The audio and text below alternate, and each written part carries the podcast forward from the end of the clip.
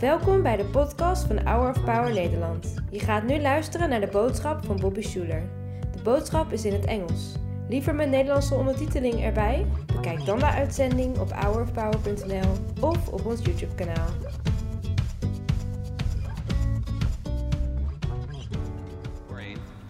It's interesting how cultures, whether they're religious subcultures or any other cultures, oftentimes tend to cling to three things. And this is an observation Ortberg, John Ortberg made, and I think it's pretty true that most cliques, political groups, religious groups, organizations have three, sometimes two or four, but it's usually about three things that if you get these three things right, you're in. And if you get them wrong, you're out. Uh, when I say, picture someone who has a leather jacket, tattoos, and a Harley Davidson, you are going to picture what? A biker, right? A biker, you know, or someone from Hell's Angels or something like that. If I say, picture a, a teenager with pom poms in her school's outfit and she's really spunky and for the school, you're going to picture a cheerleader, right? Exactly. And if I say, picture someone with holes in their clothing, a scraggly, dirty beard, always going around begging for money, you're going to picture a hipster. Exactly, a hipster. That's right. But uh, you know, in life, you can find that that even in religious subgroups, you're going to find probably in this church, there's some people who would say they're kind of like three main things that you do, and this was true of the Pharisees in Jesus' day and in Paul's day. That although the Old Testament is full of all sorts of commands involving idolatry or greed or avarice or, um, or uh, th- things like kindness to your neighbor or kindness to the alien and things like this, the Pharisees really, most of their teaching boiled down to three things circumcision, dietary laws, and Sabbath. For them, in Jesus' day, that's not true anymore in Judaism, but in their day, these were like kind of the three main things that tried to eke its way both into, into Jesus' ministry and into Jesus' continued ministry, the church, as Paul was planting them, that Pharisees were not cool with these Jewish Christians, especially if they were converts from, you know, Asia Minor or Greece or the Roman Empire, not doing these things. And so much of Christ's ministry is preaching against this idea that walking with God is about, you know, your dietary laws or your, or your body, the way you do things to your body, and, and, and or, or these different rules that have been set in place, what you see from Christ is that it's all about faith. Believing. That's why he called his disciples, you little faiths, to live a life full of hearts and passion for the Lord. That that was what God wanted from his disciples to reclaim the gift that God had given in the scriptures not of a life of rules, but a life of a heart that goes after God. To live your life with all your heart, with all your soul, and all your strength for, for the Lord, and to love your neighbor as yourself. For Jesus Christ and for the gospel that Paul preached, it was about the heart, it was about faith. It was about freedom being found and being saved by grace, not by works, through faith and, and two good works in that point, but, but to be totally a transformed, joyful, renewed person. There's no denying that that is at the heart of the gospel in the, in the letters of Paul and in the lessons of Jesus. Though we're called to a holy life, at the heart of it is the heart. What do I want? This is why I enjoy so much the Westminster Shorter Catechism, which is a founding document for the Presbyterian Church. Catechisms were how they used to teach theology to children. And this is the first question in the Westminster Shorter Catechism is, what is the chief end of man? And the answer is, the chief end of man is to glorify God and to enjoy Him forever. Isn't that a great response? To glorify God. So, the purpose of my life is to bring glory to God and to enjoy Him forever, to enjoy the Lord. And I just want to encourage you today enjoy the Lord, enjoy His abundance and His favor and His life for you. The gospel is freedom. And that gets me to the title of this message. The, the title is a question, actually. what is the first commandment of the Ten Commandments? Now, if you're quick to answer this question, it shows what tradition you're from, because most traditions answer this question differently. And you say, well, Bobby, how can you answer? It's a first one. How can you answer it differently? And the answer is that in, in the Bible, remember, the Ten Commandments are not listed one, this commandment, two, that commandment. Those numbers were added later by traditions. God simply speaks the commands to Moses, and they're sort of numerically ordered. So if you're Reformed uh, or Catholic, I believe, the, the first answer should be, You shall have no other gods before me. But if you're Jewish, the first command, actually, I know Haven knows this one because we talk about the Ten Commandments all the time. I always teach Haven the, if, there's a, if there's a choice between my tradition, Reformed, or the Jewish tradition when it comes to the Old Testament, we're going Jewish every day of the week. So, I, uh, so what is the first commandment? What Jews teach is this the first commandment of the Ten Commandments is I am the Lord your God who brought you out of Egypt, out of the land of slavery. And you can see why Christian traditions changed that because the natural question is how is that a command? It's a statement. Uh, the, the first commandment is I am the Lord your God who brought you out of Egypt, out of the land of slavery. Now, there are volumes and volumes of commentaries, both Christian and Jewish, written about why the first one is this and that one's that. Let me give you Bobby's answer. This is the Bobby Schuller commentary of the Ten Commandments.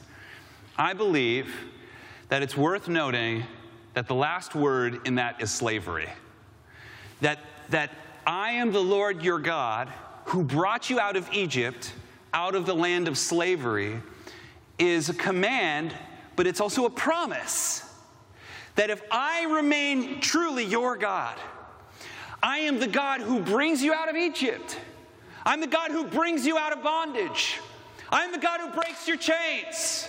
I'm the God who restores you from addiction. I'm the God who protects you from your enemies. I'm the God who's building a hedge of protection around you even today. I'm the God that calls you to be above and not beneath, the head and not the tail.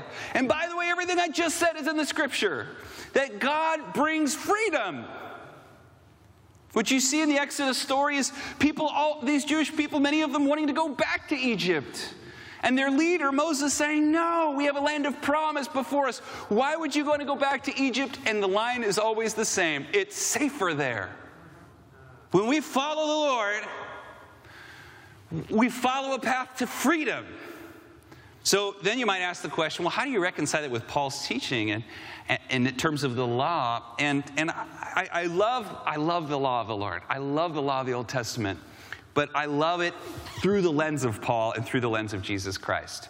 So here's, here's you might ask the question well, if Paul says the law brings bondage, but then in other places he says it brings freedom, like what does that mean? And I would explain it this way I believe God giving the law to the Jewish people was like a fake it till you make it document. It was a way of painting a vision of the minimum of what would happen if your life was immersed in the kingdom of God and in the Holy Spirit. It's like this. I've, to- I've told this story many times, but it is the most useful personal story I can to, to, to reconcile the gospel and the law. When Hannah and I were dating, there came a period where I became concerned that maybe we were being too connected. And this is an early, very kind of rigid version of Bobby. Not rigid, but. And at times, Hannah could feel like she knew in her head that I loved her, but she wasn't experiencing it through a lot of the things I was doing. And, uh, you know, guys, sometimes we need this kind of kick in the pants. And I got a kick in the pants, and it was, it was like this. She said, she sat me down and very calmly was like, I don't feel like you love me. I know you love me, but there, there are some things that boys who are in love with their girlfriends do that you're not doing, and I want to help you get a vision for what that could be like. and let me just pause. This is an embarrassing story for me to tell because I actually think of myself as a very romantic and passionate person. I, I probably am, wouldn't you say? Yeah. So, so it's embarrassing for me to even tell this story now. I put her on the spot. Well, I, I believe you think that. What do you think? Yeah, yeah, yeah. There's Yeah, yeah, like totally. areas that are There's degrees. Okay, okay, okay. Areas, so, yeah. Okay. So she, Hannah gives me this document, and in the document it says boyfriends who love their girlfriends talk to them for a long time and ask them how their day is going. And I can't remember everything on the list, forgive me. I held it for a long time, but it was like open doors for them, take them out to nice dinners, go on windy walks with them. They hold their hands and they notice their outfits. And it was this kind of list of things. And I actually carried this list around with me for a while as like a checklist. Did I do this? Did I do that? But I think all of us would say that ideally, I wouldn't need a list. In a perfect world, I wouldn't need a list of rules. More importantly, if I held that thing in her face when she said, I still don't feel like you love me, I'm like, I did everything on this list. I would be missing something. This is what the law is to a Christian to, and to a Jew, I believe. That, that this is the intent of the law is not to be a replacement for a walk with God, but to show when I have a heart that loves the Lord, these are going to be things that I'm naturally going to do. I'm naturally not going to murder people. I'm naturally not going to have coveting towards my, my, my neighbor. I'm naturally going to go and go to church and honor the Sabbath. I'm naturally going to be a generous person. These are things that are going to happen. I'm going to love my neighbor. And, and sometimes rookies, rookies need a list. Rookie boyfriends need a list. Rookie believers need a list. But the ultimate, the ultimate thing for a believer should be a heart that's so full of God that you're, you're doing these things naturally. But if I said, if somebody asked me, Bobby, do you have a great marriage? And I said, yeah, I've never committed adultery. She's never committed adultery on me. We sleep in the same bed.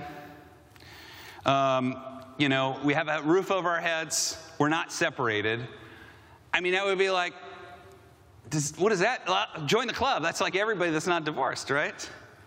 But if I said, if somebody said, Do you have a great marriage? And I said, I enjoy my marriage, well, that would be a good response, wouldn't it? If I said, My marriage is one of the most joyful experiences of my life, I love seeing my wife and she loves seeing me, and, and we, have a, we have great conversations and, and we're affectionate with each other and we have fun together. Those are the types of things you think of, and that's how faith should be. Where if someone's like, Is your faith good? And you're like, Well, I haven't killed the guy, you know, and I still go to church and I, you know, and I, and I do all these things, you know. Well, yeah, you don't do those things, but why? Why don't you do those things? And, and the ideal answer would be because I just enjoy the Lord. I just enjoy the Lord so much. I see what the world has. They got a lot of good stuff, but you wouldn't call them joyful. But I have this thing in my heart full of joy, full of life, full of the Spirit, full of freedom. That's what I have. Why would I give it up? It's the best kind of life to live. It's freedom. And that's what the gospel is. So, where the Spirit of the Lord is, there is freedom, right? You know that. And that's the passage of, from Corinthians that we read today. Paul, when he was writing in Corinth, Corinth was a beautiful city made of freedmen, actually. So almost all the people who built this gorgeous city were freed slaves, and the other half were mostly veterans. So the city was full of, of Roman people, Roman citizens, who were from all over the world. So, in, because they were slaves captured from slaves captured from Gaul, which is modern day France, Celts from from Spain and the Brit- British Isles, Danes and Germans and Picts. And then from the other side, you have Persians and Africans and Egyptians and all manner of people and, and skin color and languages who are freed slaves that all gather in this city. Can you see why freedom is a theme in Paul's letter to them? Through a city of liberty, that city actually established by Julius Caesar, uh, it was re- rebuilt, an ancient city, but it was destroyed by the Romans, but rebuilt. I have to keep stop from giving a history podcast here, but basically, it's a, f- a free city full of wealth and opportunity, and people that have formerly been slaves are the version of today's billionaires. You know, just amazing stories. And Paul plants a church there, and he has two key opponents in the Corinthian church. One is Judaizers, I hate that word. It sounds anti Semitic, but that's, that's, what it, that's what they call it in seminary. It's Christians who are trying to make other believers follow strict dietary circumcision laws.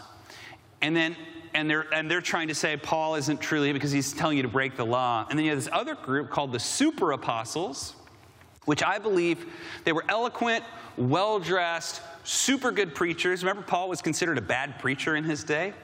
And they, they were really eloquent. They gave these amazing speeches. And they probably were like what we would consider Pentecostal charismatic. Remember, Paul's Pentecostal and charismatic too. You know, but they're, they were like the weird version, you know, the really weird ones. And both of them, one is saying, uh, you know, we're better than Paul because look at how the Spirit moves in our lives, you know, and the other ones are like, we're better than Paul because he doesn't obey the Word of God. Can I just say that these two groups of people are still around today?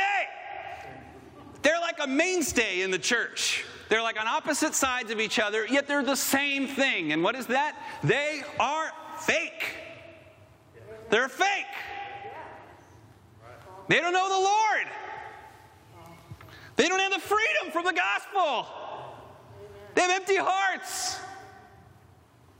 So everything that they're selling to you is an attempt to have more influence. Or maybe an attempt to, to prop up their brittle position. But it doesn't stand against what we know of the Lord. That where the Spirit of the Lord is, there's freedom. And that's what the gospel says. 2 Corinthians 3.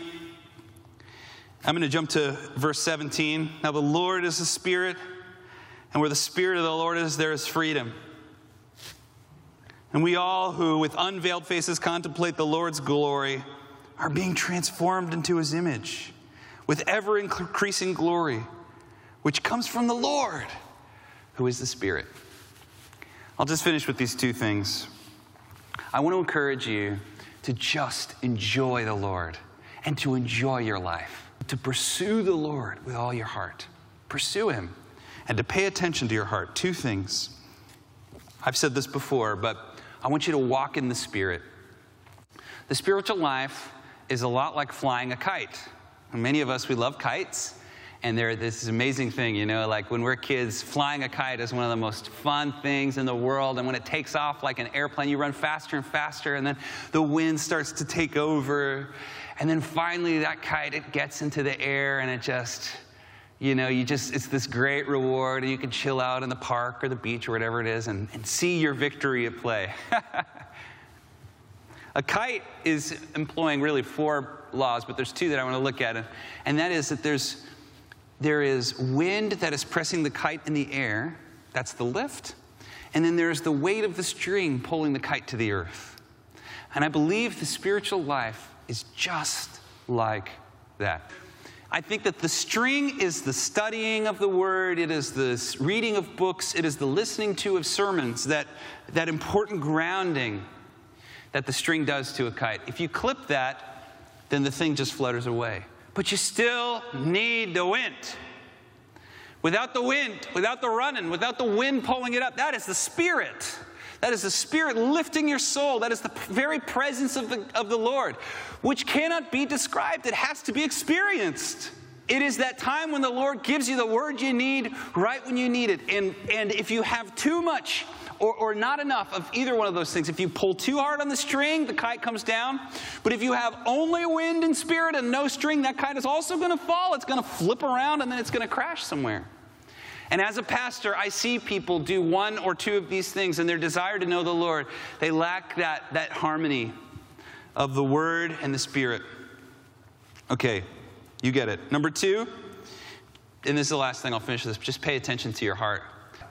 Imagine that each of these hearts represent different people in their, in their walk with God.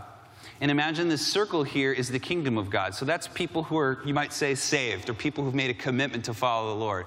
And outside of it are people who are spiritual and they want to know the Lord, but they haven't made a decision or made a commitment. And so I think that the, that the world is like this that we pay attention to who's in the circle and who's outside of the circle, but God doesn't see it as much that way. God sees our hearts moving towards Him um, or away from Him. And so you have people outside of the kingdom who are moving away from the kingdom, right? their, their hearts are hardened. They're, they've been deceived by Satan. They, they're just not interested. And then there are other people who are outside of the kingdom, but you can clearly see God is starting to till some soil. He's doing something and drawing them to Him. Maybe one of these key people are going to find them and bring them. In the kingdom itself, though, you have people who are sort of in the kingdom and they're desperately holding on to their laws and rules or their traditions, even though their heart is moving away from the Lord. Or maybe they're being, they're being tempted by the world to, to, to follow some vain thing that is going to lead them to a meaningless life. And then you have people who are in the kingdom and they're still moving closer to God. I hope that's you. And this is who we want to be, right? We want to be these hearts that are, that are in the kingdom, moving closer to the Lord. And all I'm saying is, very often when we, we are so tempted to make a report card of our faith, try to move away from the report card and try more to pay attention to what's going on in here. Where's my heart pointed? And if your heart is pointed away from the Lord, then repent. I mean it. Man, there, I feel like we forgot that language. There is something really about just like, if I know I've gotten cold towards the Lord, to, in my own time, put some worship music on or something and get before the Lord and weep and just say, I repent and I need you, God. Forgive me of my sins. Forgive me of this thing. For, draw me close to you. The gospel is not good news to perfect people. The gospel is good news to sinners. It's good news to people who need help. It's good, good news to people who are broken. And that's why we want to always check our hearts and make sure that they're pointed towards the Lord. Bedankt voor het luisteren naar de podcast van deze week. We hopen dat deze boodschap jou heeft bemoedigd. Wil je meer weten over Hour of Power of dagelijkse bemoedigingen ontvangen? Ga dan naar www.hourofpower.nl.